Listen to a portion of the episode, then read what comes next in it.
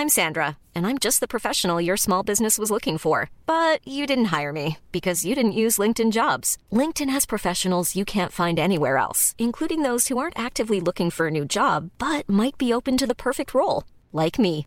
In a given month, over 70% of LinkedIn users don't visit other leading job sites. So if you're not looking on LinkedIn, you'll miss out on great candidates like Sandra. Start hiring professionals like a professional. Post your free job on linkedin.com/people today. Nu kommer attack ifrån Sugarcane Hanover som går mycket, mycket fort tycker jag. Det är så fort så jag tror att Kallit kan få svårighet att svara.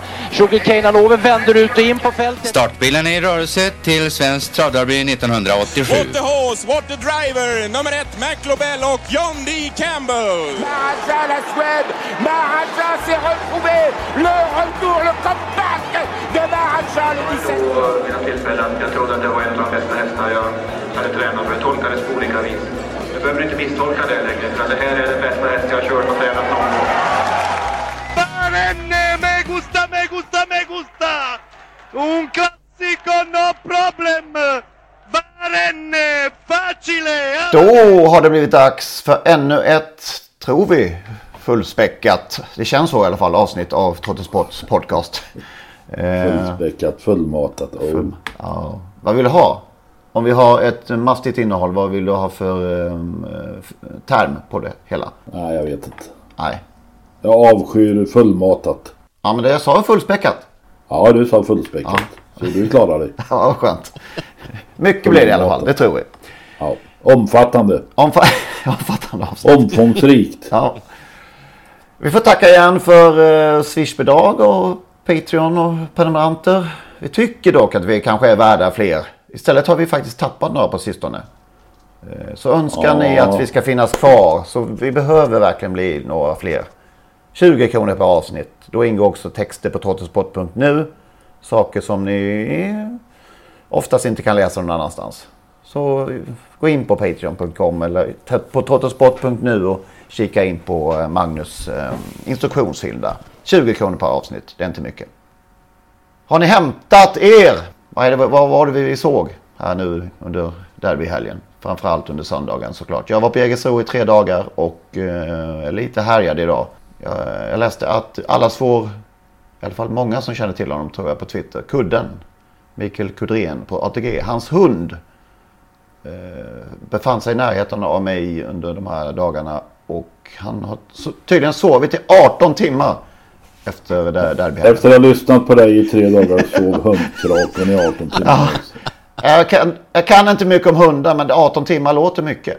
Men det var, han hade ju var han hade undersökt varenda sorkhål som fanns i anslutning till Jägers travbana tror jag. Mm. Kudden skrev något i den stilen i alla fall. Så att jag tror Henrik att du är du är inte skyldig till den där tröttheten. Nej. Inte hos hunden i alla Ja, det fall. låter Din väldigt egen mycket tror jag 18 inte timmar. Ja. Visst gör det ja. Jag har aldrig haft någon hund. Nej. Inte, jag har inte sovit lika mycket men jag känner mig som sagt lite lite eh, knockad. Men eh, och detsamma blev man ju då av framförallt de här storvinnarna i, i derbystoet och derbyt. Var, var ska vi börja? Men mitt i sista kurvan, det är tre Örnas Prins med fem Calgary Games på utsidan. Sedan ett Brambling, två San Motör. Sida vid sida, strax inne på upploppet. Tre Örnas Prins och nummer fem Calgary Games. Tre Örnas Prins leder, fem Calgary Games är på utsidan. Tre Örnas Prins, fem Calgary Games har kopplat greppet mitt på upploppet och är på väg mot segern. Nummer fem Calgary Games! Derbyt alltså. Kanske det vackraste jag någonsin har sett på en travbana. Ja. Calgary Games, alltså. Så makalöst. Han, lö- som han ser ut. Alltså han springer så ledigt. Otvunget. Alltså det finns ju världsstjärnor hur många som helst. Men de har alltid någonting. Man måste göra någonting. Men den, den här springer av sig själv. Alltså ser ut som han sparar all energi som finns till det ska avgöras och han behöver inte använda det då heller. En, alltså jag, för mig Johnny Takter brukar säga när han har vunnit med någon bra häst att det här är en riktig löpare. Och det där är en riktig löpare och, och så elegant. Jag skulle vilja kunna tänka mig att jämföra honom med någon av de där riktigt vackert springande eh, herrarna eller damerna i friidrott. Eh, Carl Lewis. Men framförallt någon av de här kenyanerna och, och då fastnade jag direkt för Wilson Kipketer. Minns ni honom? Mm, jo då. Mm. Kenyanen som blev dansk. Alltså, om ni inte har sett Wilson Kipketer springa så gå in på Youtube och gör det. Speciellt när han vann VM i Göteborg 1995. Han vann ytterligare två VM-guld. Så elegant har ingen annan sprungit. Och den här hästen på Jägersro, så elegant har ingen annan travhäst sprungit som jag har sett. Det är möjligt Henrik att du kommer att kontra med McLobell. Men Nej, eh, nej, nej det här var något alldeles enastående. Sebastian Coe eh, löpte, bara för att sticka in en, en till, löpte inte han vackert också? Jo. Britten. Jo men absolut, han tävlar ju mot Steve Ovett och han sprang inte lika Så fint. den här, alltså Bastian K fick ju kämpa fram sina steg. Den här behöver ju aldrig kämpa, han bara springer. Han har ju fyra ben också. Det är ju, Sebastian Coe hade ju bara två. Ja, det är Så orättvist. ju- Det är orättvist, Han har ju lite... Nej, det här, det här var... Ja, men så, jag tänkte, det slog mig efteråt att normalt sett blir jag alltid så här ängslig över sånt här. Jag blir alltid orolig. Får alltid liksom en, jag fick alltid en klump i magen när jag såg till exempel Ridley Express utföra den här typen av prestationer. Med rätta tycker jag dessutom att det kändes så eh, nu efteråt. Men, men nu är det verkligen inte det som kroppen uttrycker. Hur, eh, den här frågan eh, hur ska Calgary Games efter att ha gjort blott sju starter hämta sig efter sån här holmgång? Den känslan har man ju inte. Nej. Nej, det hör man ju verkligen inte. Och sen eh, efteråt sa ju Timo Nurmos det att han har aldrig varit trött. Det är oklart om det gällde även efter igår, men, eller ja, oklart. Förmodligen var han väl inte trött, men han har ju... Det var ju så uppenbart, både man hörde Timo men också så Jormas efteråt där han i sista sväng där, jag ska inte försöka härma Jorma, det går inte, men att han 400 kvar, han undrar kommer ingen bakifrån? Han hade inte kört, han kände själv, han inte kört någonting och det kommer ingen bakifrån. Han fattar ju redan där att det här är så slut. Och sen går han bara undan och en sån som Önas Prins som såg så fin ut. Så att till och med jag satt och tänkte fasen, han kanske vinner från spets. Han gör ju inget dåligt lopp, men han är ju ljusår ifrån att vinna Svenskt Travderby. Nej, det är det som jag sa förra veckan tror jag. Att jag har jag har aldrig sett någon mer harmonisk travare hos Timo Nurmos. Och kanske inte överhuvudtaget nu då. enligt, enligt Kan du komma på någon hos någon annan tränare så är du välkommen. Mm. Ja, Nej, det- här var något alldeles makalöst.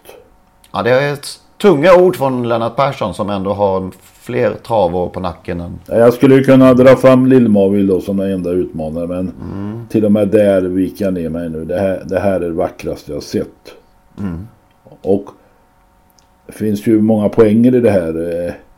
Han är efter en svenskfödd far som har vunnit, själv har vunnit loppet Ridley Express. Alltså. Det är inte så många derbyvinnare som har svenska fäder. Det har ju varit, mest varit amerikanskt och franskt.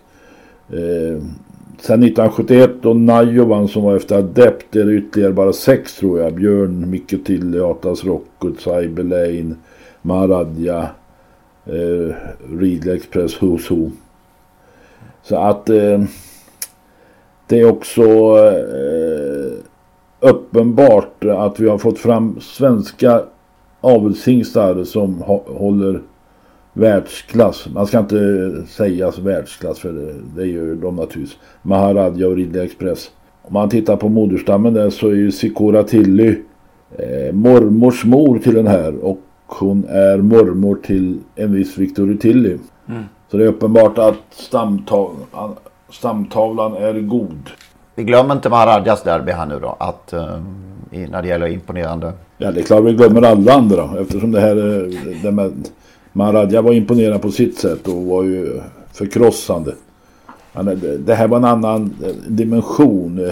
Mm. Det är möjligt att han mötte sämre motstånd än Maharadja. Det, det, Det brukar historien få tala om sen. Men, men, ja, eh, vi, har ju, vi har ju pratat om att det här är det kanske mest bästa eller mesta bästa derbyt någonsin. Men det, Ja, det- det är som du säger, det får vi se i framtiden. Ja, jag tyckte det var, blev det inte upphaussat på slutet? Alltså, Jag tycker inte vi riktigt har sagt så. Så fantastiskt kanske det inte var ändå. Nej, jag hoppas att vi inte har sagt det, för jag tror vi inte har gjort det, för det blev som du säger Henrik, det, det här var liksom, man ville gärna prata om det här dunderderbyt 85, liksom att det här är bättre. Jag, det är lätt att vara nostalgisk också och vilja försvara det där Big Spender Mac the Knife, den årgången såklart, men det var väldigt, väldigt vad man pratade upp det på, på det sättet mm. och nu, nu har vi ju hyllat vinnaren, det är ingen tvekan om det, alltså det fattar ju alla hur bra hur bra den är. Men det var verkligen det här att de här är...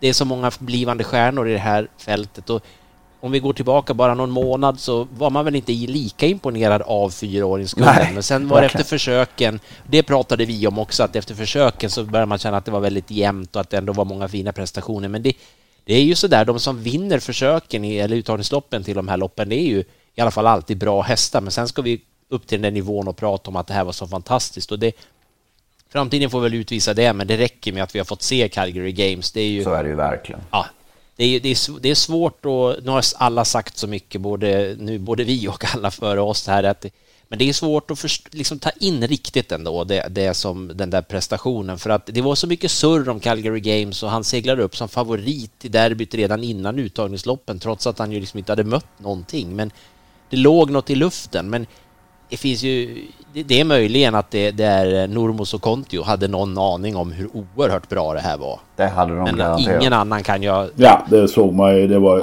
det var aldrig någon tvekan vad Jorma skulle göra. Han körde så snabbt han kunde utan att offra för mycket kraft utvändigt om ledaren. Det var också Menhammars fjärde uppfödda derbyvinnare då. Från Mebao, Maradja, och så den här. Eh, du pratade om det Magnus att Önas prins höll tappert och det måste man ju säga. Han blev lite stressad tror jag av, att starten blev uppskjuten och var kanske lite vassare än vad Per Nordström hade hoppats.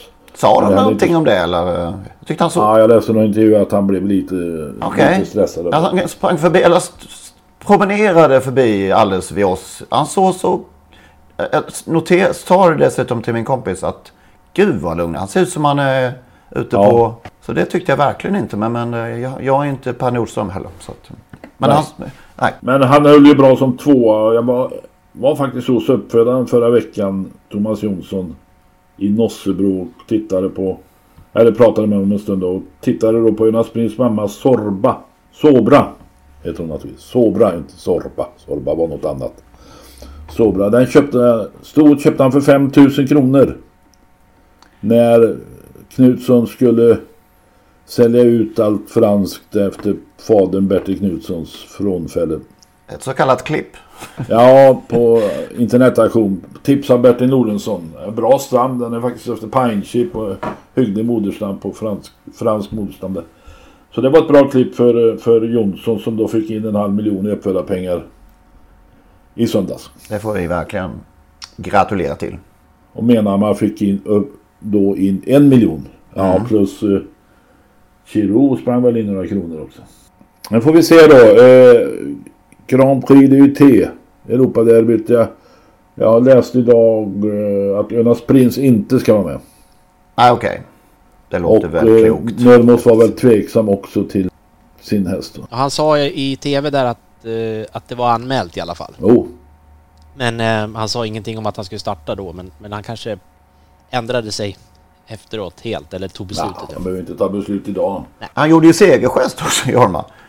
Ja, det har man inte sett så ofta. Två korta dessutom. Han var noga med att inte hålla armen över axeln. Ja, just det. Det var under hans eh, sån här eh, uppercut. Jag har aldrig sett Jorma göra det. Men så fick jag, var det en liten, eh, ja det var någon på Twitter som gjorde en redogörelse över att han hade gjort i alla fall med Kiston Patriot i Campeonato Europeo. Vad är det som kördes i lördags väl? I Chisena? Jo. Oh, ja. ja. Nej, jag vet inte. Express Dahlia i UT. Houston Lauko i Åbergs. Silo Nubbe i British Crown tydligen. Lisa America Oslo GP och vinst sin seger nummer 10 000 med Evarti i Finland. Silo Nubbe var jag på plats, det var på Axfall om jag minns rätt. Han gav ett hiskeligt odds. Han var så nöjd ut igår, Jorma. Eller i, ja men det är klart att det känns bra för Jorma som på något sätt har fått stå tillbaka under några år här och blivit petad på Ridley Express. Lite försmädligt kan jag tänka mig. Eh, så att en sån här seger eh, värmer naturligtvis extra även för en man som har vunnit 100 000 lopp eller vad det nu är. Tänk om man skulle kunna få kröna karriären till slut och, och få eh, klippa till eh, Prix d'Amérique också med den här hästen. Det hade varit vackert. Ehm, det som man slås av också här är ju om vi ska gå över på storderbyt, derbystoet. Att det är två hästar av den här lätta modellen som ändå gör de här prestationerna. Likadana ju. Även Hanimeras fick ju göra jobbet. På väg in på upploppet leder 6 Global Brilliance före 8 Hanimeras 3 Hall of Am. 6 Global Brilliance med 8 Hanimeras på utsidan. Det handlar om 6 Global Brilliance, 8 Hanimeras. Så kommer också nummer 7 Sayonara men greppet tar nummer 8 Hanimeras. Nummer 8 Hanimeras. Ja, och då kanske vi kan komma dit att det är... Även här såg man ju då hästar Hall of Am Hoboken Am som imponerade i kvalet men som inte hinner hämta sig till final. Det hade väl vi förväntat oss när det gäller Hoboken Am men även Hall eh, Am eh, var ju svagare än jag, i alla fall jag hade förväntat mig. Och det, det var samma i Storchampionatet, bra i försöket, sämre i finalen. Samma här, bra i försöket, sämre i finalen. Och det kanske är de här lätta hästarna som tar min stryk. Det är en tanke, ja verkligen. Men ju, alltså, alltså man, när man tänker att man ska vinna från döden så ser man, inga jämförelser i övrigt, men man kanske ser en sån som Parker som vann i lördags på V75 eh, framför sig.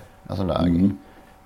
stark sak. Ja, det är sådana som, ja. Ja, och, och det här är lätta, som, de borde vara mer leva på speeden tycker man. Och, ja. Och nu slog ju han emellan en, en här som också tillhör den lätta modellen då. Global Brilliance. Mm. Som Erik då fick, Erik Adelsson fick köra in en miljon med eftersom Ulf Olsson valde Hobokenam. Ja hon var ju ljuvlig igen alltså. Den där... Han är med alltså. Jag förstår att du njöt av detta. Det gjorde jag verkligen. Till ett bra odds också. Vad gav hon? Ja, hon var väl nere på. Jag hade bättre odds än, än, än eh, ATG. Än vi andra? Ja, så kan man säga. Men, eh, ja det var fint. Just det, Hoboken Am där. Eh, jag vet inte om det har varit uppe men det är ju förfärligt att man inte just i finallopp inte får behålla sitt spår. Ja, det... man, har ju, man har ju förtjänt detta utvalda startspår. Det är därför man väljer. Men det, om man har vunnit sitt försök så har man gjort sig förtjänt av, av, sitt, av sitt jävla startspår som man får. Eller det har diskuterats i oändligheter där. Ja, jag har inga problem med att man inte får behålla det i vanliga lopp. För där är ju, det, det lottas ju ändå. Det är ju slumpen ändå. Men här där man verkligen har presterat någonting för att få det. Ja, det, det drabbar, kan ju drabba den som sitter bakom i spår 9 i det här fallet. Ja, ja jag vet inte. Eh, det är knepigt. Nu hade det inte spelat någon roll för Bokenam för hon kom, kom ju ut ändå. Och, och var ju som väntat eh, sämre än i försöket. Så att, eh, men, men som princip tycker jag det är. Ja, det är nog värt att diskutera. En kompis till mig sa i veckan att jag har stor respekt för, för Magnus som, som tippare. Men det här, med, med den här Sayonara får han ju bara ge sig. Men det är, Fick du lite ja, rätt alltså, ändå? Man, det blir ju också, ja. Sen ska man ju ändå säga det att alltså, det spelar ju ingen roll när det finns en häst som Honey Meras i den här kullen. Då, då kan ju Sayonara vara hur bra som helst. Det är fortfarande om man tror att hon ska, Sayonara ska vinna eller inte då. Men, men eh, att det är en jäkla häst, Sayonara, det tror jag din kompis förstår nu i alla fall. ja, det, är ju, ja. det är inget det är inget ont, eh, höll om din kompis och inte om Sayonara heller det som jag skrev på Twitter, Hanni Meraz, hon, hon förnedrar ju sina kullsystrar på något sätt. Alltså det, det, hon är ju så våldsamt bra, men även här har vi ju hästar bakom som också är bra. Det är bara att Hanni Meraz är fantastisk. Hon gick tio sista varvet utvändigt ledan. Jag menar, det, det, det är inte många som klarar av att göra det och då får man ju stryk som Global Brilliance, men hon, nu var ju David Persson lite besviken där eh, efter direkt, men han sa att jag kommer säkert imorgon att känna något annat, eh, att jag varit tvåa. Men, men han vill ju inte vara tvåa naturligtvis, han trodde att han skulle vinna, det kändes så. Det räckte med tio minuter så var han intervjuad på banan och då hade han helt ändrat sig. Han var jättestolt och nöjd. Ja, jag hört ja, honom på det ska han ju naturligtvis Radio Skaraborg idag och han var mycket, mycket stolt och nöjd.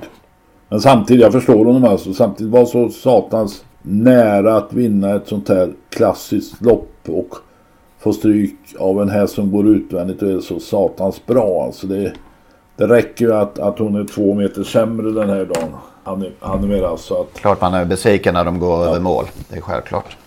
Men sen har han ju, det måste man ju säga, han har gjort ett hiskeligt fint jobb med den här hästen som han fick från Peter Untersteiner. Ja, det var som var roligt. Johan Sjöstrand på Twitter skrev att det var inte illa för en sleten mittback från Axvall. Eller vad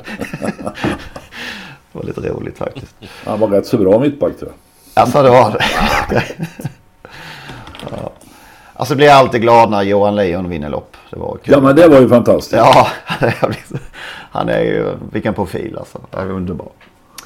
Ja. det var ett bra första pris, 125 000 eller sånt där. Ja, 150 är det väl till och med. Ja, 150. KG Bertmax. Så. Ja, det var hästens första seger på sen treåring. Den ja, den har man ju jagat och trott att får den bara sitt smyglopp så kan den bli farlig. Och inte trodde jag han skulle vinna för en, ett sånt här lopp från dödens. Det var ju...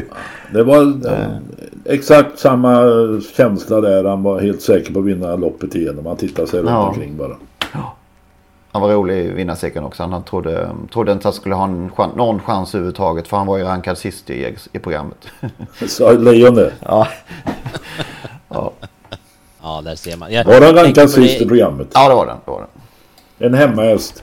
Ja, dessutom. Ja. Och Hanimeras var rankad fyra. Oj, men det var ingen hemmahäst. Nej. De måste ju, de måste ju vederbörande, jag gissar att det är gamla kära professorn va? Han måste ju ha tippat Sayonara då i alla fall. Nej, det var nog uh, Håller varm före Hoboken ja. och ja, sådär. Ja, tror jag. Ja, okay. det var egentligen ganska förväntat då kan man tänka sig när man hör det. Ja. ja. Mm. Men jag tänkte på det, det är svårt att släppa söndagen också, det här som föregick ehm, eh, eh, Svenskt Travderby, den här omstarten som blev väldigt, den var ju väldigt konstig på många sätt tycker jag, framförallt efteråt när man ser att ingen fick straff för att ha orsakat den, utan att man menade på att ja, Björn Goops häst hade galopperat och det gjorde att Björn Goops häst och eh, Claes Sjöströms häst inte fick något spår i starten. Nej, alltså att Claes Sjöström inte fick något spår i starten, det är en sak. Då ska väl det bli omstart då.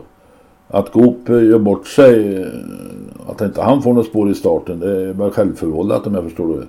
Men alltså det, var, det såg ganska läskigt ut. Hästen var ju helt oregerlig. Vilken av dem? Samma? Okej. Okay. Ja. Slängde ju sig rakt ut, tog inte styrning. Okej. Okay.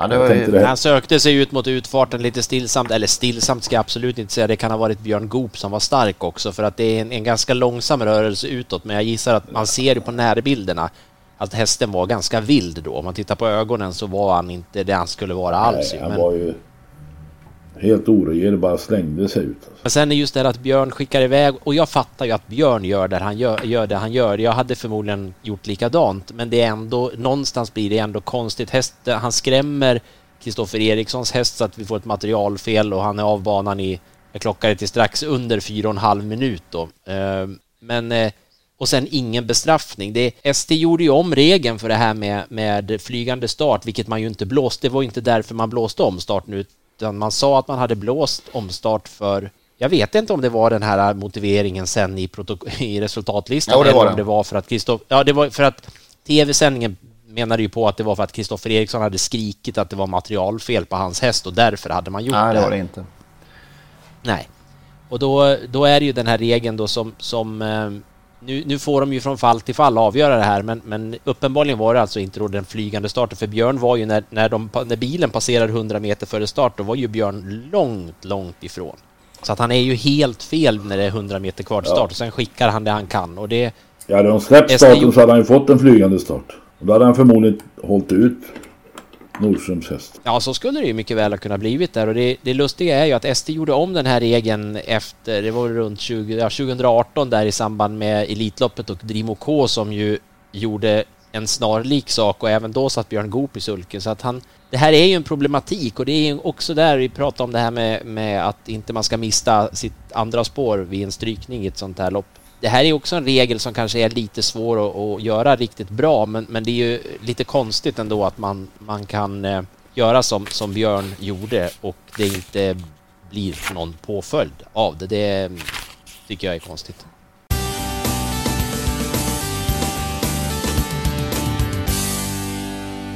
Då gör vi som så att vi talar om att vi återigen har vinfolket.se med oss.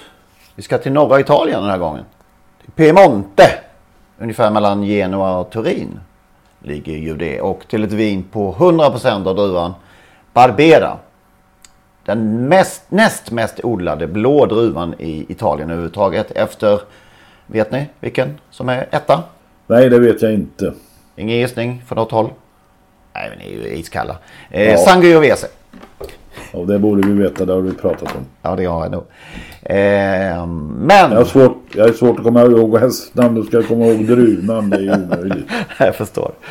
Barbera har de senaste decennierna gett toppviner här i det här Piemonte-distriktet. Och i fem generationer har den här producenten, som veckans poddvin kommer ifrån, Convento Cappuccini, varit dedikerade bland druvor och fat och gjort viner. Det här är en ytterst trevlig Barbera. Som finns i lösvikt för 145 kronor. Som man då kommer in eh, till via trottosport.nu. Den ingår dessutom just nu i ett paket om 12, totalt 12 flaskor. Där man får tre av just detta vin. Eh, paketet med 12 flaskor går under namnet Skogspromenaden. Och fås för eh, blott 1499 kronor. 12 flaskor för... 14. Jag förväntar mig att detta paket ska komma denna afton. Ja, du ser. Jag har fått förhandsavisering att det är på väg. Och man får ju som sagt det hända hem till dörren. Och om man då dessutom knappar in rabattkoden TROTTO så får man ytterligare 10%. Så då är det ett verkligt kap. Så skogspromenaden kan vi rekommendera. Det är dags för, det är svamptiden nu. Och. Det här är fyra viner som är utmärkta och eh, dricka till svamp och tryffel och allt vad det är. Vinfolket.se vi har fått in synpunkter sedan förra veckan på eh, vår redogörelse när det gäller Propulsion förhandlingarna. Det är Thomas Fyr, presschef på SD som har hört av sig. Så att jag har fått i uppgift att läsa upp det han skrev till oss. Hej! Thomas Fyr heter jag, PR och press, presschef på Svensk Travsport. Jag lyssnade på ett senaste poddavsnitt, det är trevligt, av Toto Sport i morse. Så han lyssnade redan, redan tidigt på tisdagen. Lyssnade. Det var ju kul. Reagerade på beskrivningen av Svensk Travsports agerande under förhandlingarna i Propulsion-ärendet. Ni lägger fram att svensk travsports strategi i förhandlingarna skulle utgå från att lägga allt ansvar på ett felaktigt hanterande av Propulsions exportcertifikat hos en enskild handläggare som arbetade på avelsavdelningen vid tiden. Ni nämner också att handläggaren i frågan är en kvinna som nu tyvärr har gått bort, vilket gör det väldigt enkelt att identifiera vem det, vem det rör sig om. En enkel kommentar till ett påstående, det stämmer inte. Det är faktiskt helt tvärtom. I den omfattande interna utredningen som genomfördes direkt efter att ärendet uppdagades så klargörs det tydligt att det inte går att belägga någon enskild handläggare med skuld i ärendet. Däremot får Svensk Travsport som organisation mycket tydlig kritik kring hur vi har hanterat regelstyrning och processer genom åren. Allt detta framkom tydligt i de förhandlingar som genomfördes förra veckan. Svensk Travsport har ett ansvar och vi tar också ansvaret att rätta till vad som varit otillräckligt. För vi kan alla vara överens om att vi aldrig vill ha ett sådant här fall igen. Ända sedan utredningen presenterades i oktober förra året har vi arbetat med att gå igenom och uppdatera hundratals instruktioner för olika processer inom förbundet. Ett välbehövligt arbete. Att grundlöst påstå att vi försöker skuldbelägga en enskild medarbetare som dessutom var mycket omtyckt och har vänner som jobbar kvar på svensk travsport är inte acceptabelt. Vi förväntar oss en rättelse och klargörande kring detta. Så då har vi gjort det helt enkelt. Däremot så vet vi inte om vi kan göra någon rättelse för egen del. Källorna är lite för bra för att lita på det Thomas Fyr säger här. Men ska det egentligen, om man ska vara helt nogräknad, ska han ju inte veta om det. Ja, det är, det är möjligt att det är så. Jag kan, kan inte riktigt säga bu eller bä där. Nej, men nu har vi i alla fall framfört deras synpunkter. hände grejer i fredags här också. Jag blev intervjuad av tidningen QX under veckan. Och eh, under fredagsmorgonen på ja, morgonkvisten där så publicerades artikel 1. En intervju med mig då. Och några senare kom en uppföljning om att den Sverigedemokrat-skylt som jag och vi skrivit och pratat om nu plockas ner. Vad säger detta? Ja, alltså för det första verkar det ju eh, finnas två budskap Ett, att den plockas ner som du just sa. Två, att den täcks över bara för den här specifika tävlingsdagen. Har det varit olika uppgifter menar du om, om kring det här? Ja, ja. Vice ordföranden har sagt att vi har bestämt på styrelsen att den ska plockas ner. Tore Lund. Mm. Ordföranden Peter Bronsman har sagt att vi har inte tagit beslut att den ska plockas ned. Däremot ska den inte synas på den här Pride-dagen. Tävlingsdagen den i slutet på september. Och han har skickat vidare till ST att ST ska komma med ett beslut, eller i alla fall vägledning hur, hur travbanorna ska göra. Intressant om att de inte är överens då på Åby. Ja, om de är överens eller om de pratar olika det vet jag inte men eh, det är märkligt. Mm. Vad säger det mer då? Att eh, det måste utanför travbubblan för att det ska hända något, eller? Ja, så är det ju naturligtvis. Men eh, Åby har väl insett kanske lite grann i alla fall att det här inte är bra. Men samtidigt så finns det ju då de som uttrycker sig helt motsatt att det är fegt av Åby att eh, falla för en eh, för någon form av opinion. Och många tycker att det här bara är löjligt, tramsigt eh, och så vidare. Va? Så att eh, meningarna är uppenbart delade. Mm. Så är det ju. I högsta grad delade. Och de som håller på Sverigedemokraterna tycker att det här är trams eh, då att ta ner den. Men det är inte det riktigt det handlar om i, i, i botten. Det handlar ju om helt andra saker. Det handlar ju om svensk travsport. Om svensk travsport vill inkludera alla i sin... I det de i alla fall tidigare kallade folkrörelse. Ja, det är ju det där dit jag hamnar hela tiden. Att, att, att det inte rimmar med deras egen diskrimineringspolicy helt enkelt. Att det går så i rakt motsats mot detta parti då. Ja. Just att det är dubbla budskap i det här, det är ju också ett... Det är ju lite beroende på vad man läser så står det liksom lite olika, ska tas ner och ett inte till, eller är inte permanent nedtagen och annat. Men där, det man kan se är ju i alla fall att Åby vädjar ju uppenbarligen till svensk travsport att ta ställning och säga vad som gäller. De behöver ju hjälp. Det är, ju inte bara Åby, det är ju alla banor. De behöver ju hjälp här. Eh, ST tycker ju då, eller tyckte i alla fall initialt där i en av dina tidiga artiklar där eh, Henrik, att, eh, ja, att man har tagit någon form av ställning genom att bestämma att, att det är okej okay, att alla travbanor får, får annonsera eller får ha reklam för politiska partier, det är eftersom några redan hade haft och allting, men det var ju väldigt det var ju en väldigt vag motivering och det är uppenbart att travbanorna, framförallt Åby i alla fall, inte riktigt själva tycker att det är lika tydligt att de behöver stöd.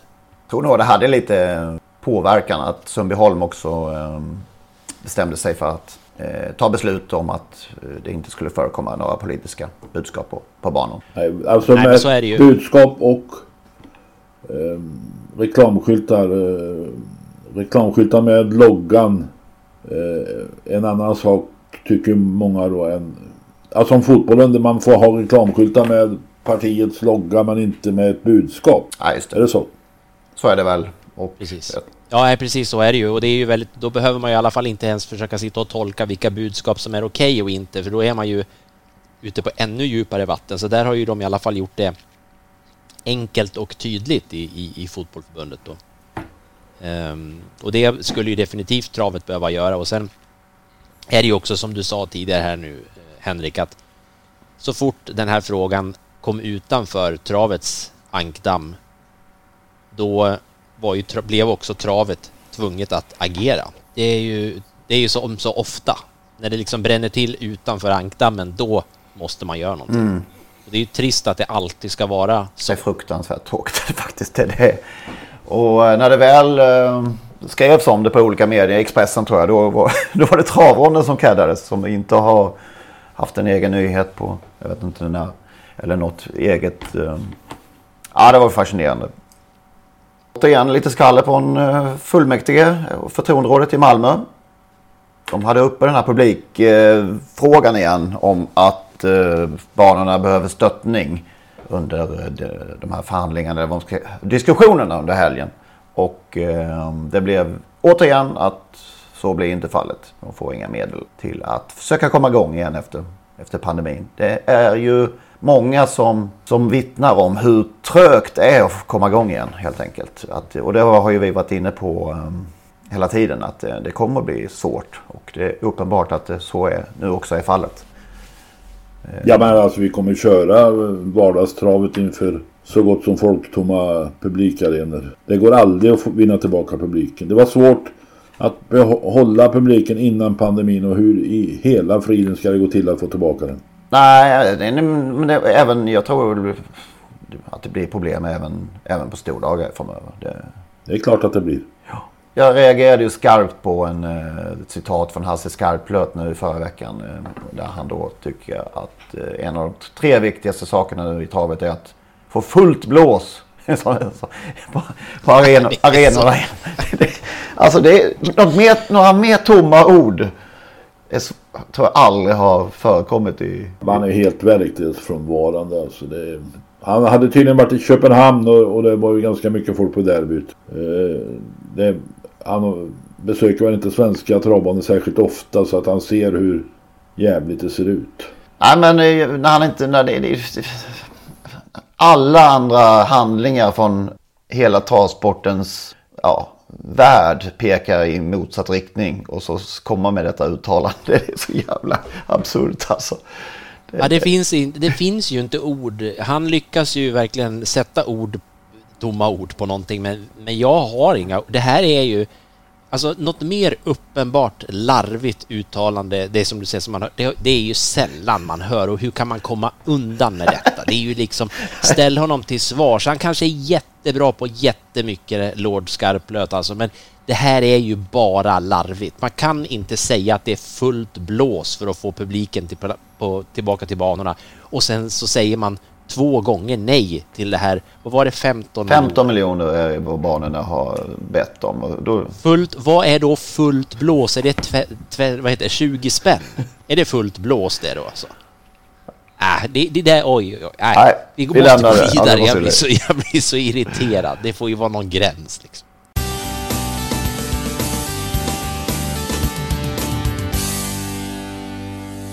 Efter derbyt kommer kriteriet. Och det är alltså faktiskt. Det kändes nästan eh, lite chockerande när man sprang på eh, tävlingsschemat här. Att eh, redan på fredag kväll är kriterieuttagningar och oxuttagningar såklart. Det går väl eh, en, tidigare, en vecka tidigare än det gjorde förr i tiden. Så att, eh, det är väl därför som man reagerar sådär.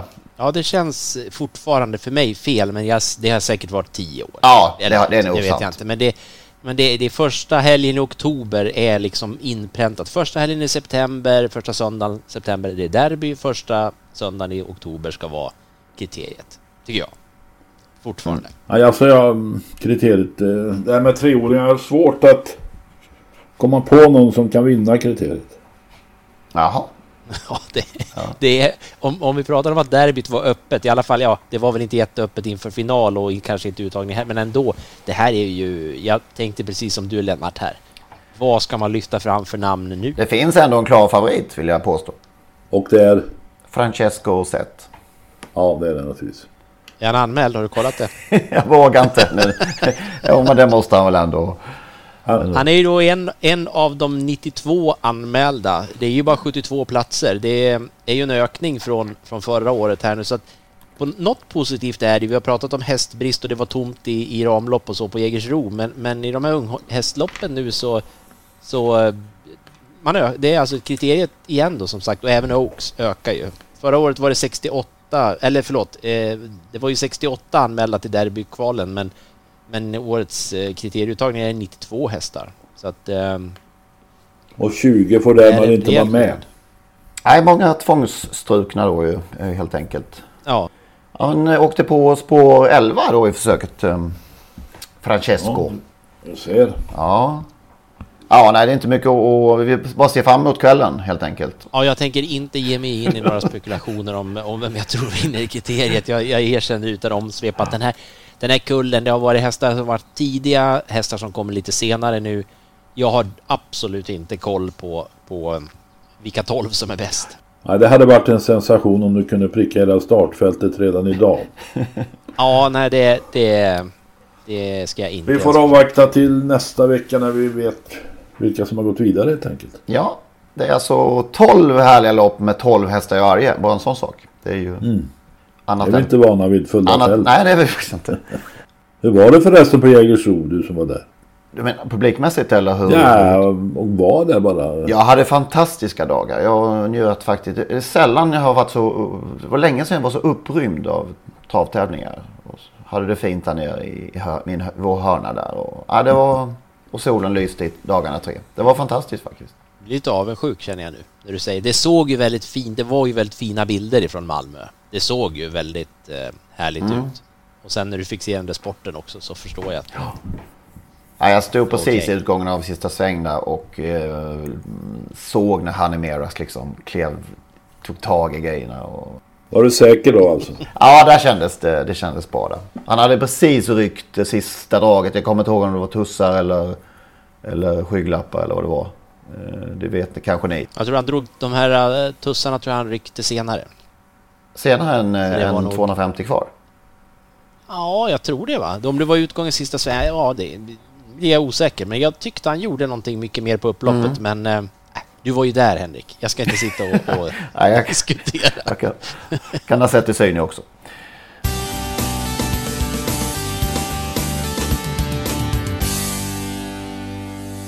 En annan Daniel Redén häst ska vi nu minnas tillbaka på. Det är inte så många år sedan men vi tänkte att nu när det är Bollnäs som kör V75 på lördag och dessutom heter väl till och med gulddivisionsloppet Delicious lopp.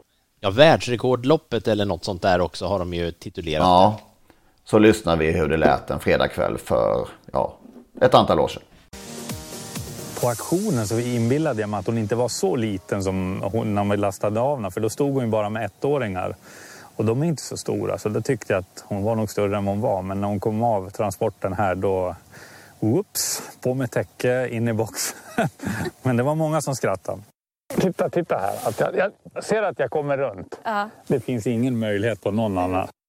Vi som håller på och letar hästar med exteriörer, vi, vi ser att hon har en fruktansvärd exteriör och långa fina kotben och sen en väldiga, två väldiga motorer för att vara så liten häst som hon är så har hon en enorm exteriör och det är väl det hon springer med också. Sen att hon har mycket innanför pannbenet också gör ju till sitt. Bilen släpper iväg fältet. Körning snabb, två Dragon Toma. Utvändigt eh, fyra Alvena Pelé. Två Dragon Toma, Jennifer Tillman tar hand om ledningen och de gående pressar vidare då fyra Alvena Pelé. Ledningen då fyra Alvena Pelé följs av två Dragon Thomas som trea följer ett EL Rocket. Som fyra där på innen finns nio Delicious US. Bakom där tio Global Money. Det är fyra Alvena Pelé Per Lennartsson som leder här upp för att strax passera de första 500 metrarna. Dit kommer de på 09,8 med fyra Alvena Pelé. Har då snett på utsidan nummer 9 Delicious US. I ryggen på ledaren två Dragon Thomas som trea på innen ett EL Rocket. Där finns eh, sen 10 Global Money. Fram på innen där sen då åtta Brasse Kebell har i sin rygg fem Quickmaster. Snett där framför finns tre Narold Vox. Sist utvändigt eh, sex eh, Democrat. Med det körning där framme med nummer fyra Alvena Pelé som tar emot nummer nio Delicious US. Som tredje häst följer där bakom två Dragon Toma. Bra fart på tillställningen. Vi kommer att passera de första tusen metrarna. Öppning efter 9,5. Då pressar sig vidare nummer nio Delicious US. Nyledare med 500 meter kvar. Nummer nio Delicious US. Följs närmast utav nummer fyra Alvena Pelé uppe som tredje häst och nummer tio Global Money. Vi har dem här i slutsvängen strax eh, 300 meter kvar. Först in på upploppet kommer att vara nummer 9 Delicious US och Örjan Kihlström. Vi är inne på upploppet. Fort har det gått med nummer 9 Delicious US. Försöker ta upp jakten där bakom gör 10 Global Money. Men vi har strax 100 meter kvar och de har fullkomligt pulveriserat sitt motstånd. Nummer 9 Delicious US som håller farten på spänstiga ben in över mål. Det blir seger till 9 Delicious US Örjan Kihlström före 10 och 4. Oh man minns ju med, vad säger man, med all värme som finns. Vilket stor det var alltså. Man saknar henne fortfarande. Ja, och höra Daniels beskrivning fast man har hört den många gånger förut. Så det här att, att han inte riktigt hade förstått hur liten hon var. Ja. Det är ju... Eh, och sen naturligtvis den beskrivning han gör, alltså att hon exteriört var så fin. Eh, såklart då och så en härlig häst. Det är ju, eh, de där loppen kan man ju se hur många gånger som helst. Alltså den här långspurten på Bergsåker, alltså det är, om du pratar om Calgary Games som det finaste du har sett någonsin så är ju det kanske det häftigaste eh, man har upplevt på en travbana. Alltså i det här, när de bara flyger fram eh, längst ut i banan och på det sättet som hon rörde sig. Ja, det, ja, det är poetiskt nästan. Det blev ett väldigt bra lopp det där eh, tycker jag. Mm. Eh, om man nu tänker på att gulddivisionen i lördags var väl åtta hästar och sådär. Birger Bengtssons eh, ja, fick eh, han som brand Det var inte många som ville vara med och hylla men just det här hästen vill vara, många vara med och hylla. Mm. Eh, jättebra, jättebra lopp ja. Även, och... ja brother, brother Bill fick ju äntligen ja! komma med i ett lopp. Är det nu, är det, smäller det här nu? ja, det var ganska enkelt att komma med om man tittar på poängen. Det är några här och riktiga lågpoängare men eh, det var ju, ja det är fina hästar. Jag trodde att han skulle vara med i B. Bengtssons. Det sa jag väl någon vecka här. Men nu, kortare väg till, um, till Bollnäs kanske. Tror du på honom nu då? Det måste du göra Magnus. Ja, alltså nu vore det ju rent larvigt att inte göra det. Men det, det är klart att alltså, nu hamnade ju så här. Eh, Milligan School fick ju ett riktigt eh, soppläge den här gången. Eh, och det gör ju att om man nu inte är jätteinne på att Million Dollar Rhyme vinner, eh, det är inte jag då, så då tycker jag att det ska bli det ska bli jättekul att se Brother Bill. Ja, han kan ju springa riktigt fort när han fungerar. Ehm, och gör han det så då... Ja, han blir ju min första häst. Det kan jag, något annat kan jag inte välja. Och borde väl inte tillhöra de allra mest sträckade? Nej, det tycker man ju inte. I alla fall inte. Alltså, nu är det Million Dollar Rhyme, det är Ulf Olsson i sulken, det kommer bli mycket surr om det. Och Million Dollar Rhyme har ju fått ett bra spår. Han har ju på alla sätt visat att han fortfarande kan vinna en gulddivision, herregud. Så att... Eh, Ja, mm. nej favorit kan han ju inte bli. Det kan jag inte tänka nej. mig. Ser att Erik Adielsson är trogen Svante Båth. Det är lite positivt. Han är måste ju vara en klart bättre chans med Million Rhyme som man säkert hade fått ja, köra. Han kör väl åt båt. Mm. Det ska väl finnas, hända mycket för att han ska välja bort en båttest. Mm. Ja men det är ändå snyggt för det ja. i många andra lägen tycker jag att eh, man kuskar gå strikt efter vinstchans. Så heder till det. Har ni kikat någonting i övrigt? Intressant start gör ju Moses. Andra starten för Håkan K Persson. Stefan kör och, som de har köpt från Daniel Rydén. Hästen imponerar ju stort när han vann i debuten för Håkan K. Men det är en liten knepig sak det där tror jag. Ibland så vill han ju inte springa. Ibland så springer han som bara satan. Och i vilken avdelning är vi? Sjätte. Mm. Från spår 5 ja. bakom bilen då ja. Mm. ja. 5-5 på dubben. Kul. Ja. nummer. Jag vet inte om det, har, är det är, har det den effekten fortfarande dubbelslagnummer? Ja, jag vet inte det. Men småspelarna som spelar så kanske det. Och hemskt där i början. Eh, ja, då var det ju hemskt alltså. Ja. Tänk man hade, något, man hade verkligen något som man trodde stenhårt på så var, och så var det samma siffra. Man kunde ju ja, jag vet inte. Deppa ihop Just när man upptäckte ja. det, ja, man upptäckte det lite för sent ja, också på något sätt. Man tänkte, ah, den vinner ju först och den vinner andra och sen när man nästan skulle fylla i, va, de har ju samma nummer. Och så var det ridå. Ja, visst. Ja, det var totalt, eh, det var totalt rullgardiner alltså. Det var ingen mening. Ja. nej, nej. Ja. Hade du, ja något mer? Jag, jag, får ju känslan av att det är en... Eh, jag ska inte säga att jag har eh, hunnit titta igenom det här heller på något sätt så. Men, men eh, det ser ut, tycker jag, liksom en lite svår omgång ändå. Jag, det skulle ju kunna ha blivit så att det kommer några bra hästar söderifrån och då blir de här omgångarna inte så svårtippade. Men tycker inte riktigt att det ser ut så den här gången. Tycker det känns som en Magnus Ståhlberg-omgång. Ja. Din, din räjong liksom. Mm. Ja, men då, då det, det, bara det som höll på att hända i lördags att Jägersro höll på att bli min, min bana. Det var ju inte...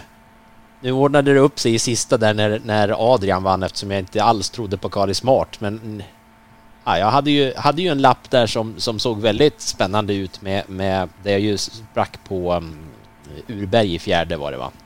Inte storslagen och sen satt jag ju kvar med sen, fick ju in spik och sen satt jag med alla gånger tre. Mm. Så då satt jag, hade den där Ågren ett tag där, men det löste sig. Det blev bara 3-5. Det brukar ju göra, brukar ju göra det till slut. men det var Jägersro. Bra att du nämnde Kelly Smart. Hon, har ju, ja, hon är ju ruskig. Den trodde den hade jag med faktiskt. Ja, ja fantastiskt vad hon har utvecklats. Ja. Ja, Man såg här nu, Ja, det är vi pratade om det här EM för ston och de här som var med nu, de kom inte med i EM för ston nu. De var väl ett och tvåa och Europamästare innan blev tre eller fyra eller något. Ja, hon är läcker, verkligen. Har vi något mer innan vi slutar? Ja, jag har funderat på en sak ända sedan vi pratade om derbyt. Vad hade hänt om eh, Timo Nurmos hade gjort som du tycker att han borde ha gjort i spårlottningen där och valt spår 5 med Giroud och 9 med Nej, men det hade Calgary han inte valt spår 9 utan han valt spår 6. Ja, men det är det som är grejen. Precis. Man ska ju inte... Alltså, tänk bort nio bara. Ja, men vi måste uppmana alla, vi måste uppmana alla tränare i fortsättningen. När ni står där och ska eh, lotta till de här storloppen. Tänk bort spår nio. Vad gör Det det? hade ju inte spelat någon roll eh, om, om man hade tagit spår 6 Nej, eller 5 exakt. eller 7 eller 8 eller 12. Men då kunde ju Chiro fort sitt femte. Det var ju så. Ja, då hade han fått andra utvändigt kanske. Ja, kanske. Istället för Nurmos Sisu-hästar. Ja, det blev ju faktiskt så om man Henry ska... Flyer jag ju- Sisu som var helt Ja. usel. Ja, han hade, gjorde, var ju sjuk den dagen när han absolut inte skulle vara det och det ställde ju faktiskt till det för, för lite hästar i det där loppet. Det spelade ju ingen roll. Ingen hade ju rått på vinnaren, det fattar ju alla. Men, men det blev ju bland annat för ja, hästarna som satt i andra spår där så blev det ju lite, lite trist för dem. Ja, nej, men det var nog bra. Normos han valde nog rätt ändå. Nej, i alla fall för sin häst. Ja. Precis. Tack och bock för den här veckan. Tack för idag. Ha det gött. Tack, hej då. Timo Nurmos och Jorma Kontio tillsammans med eh, obesegrade Calgary Games.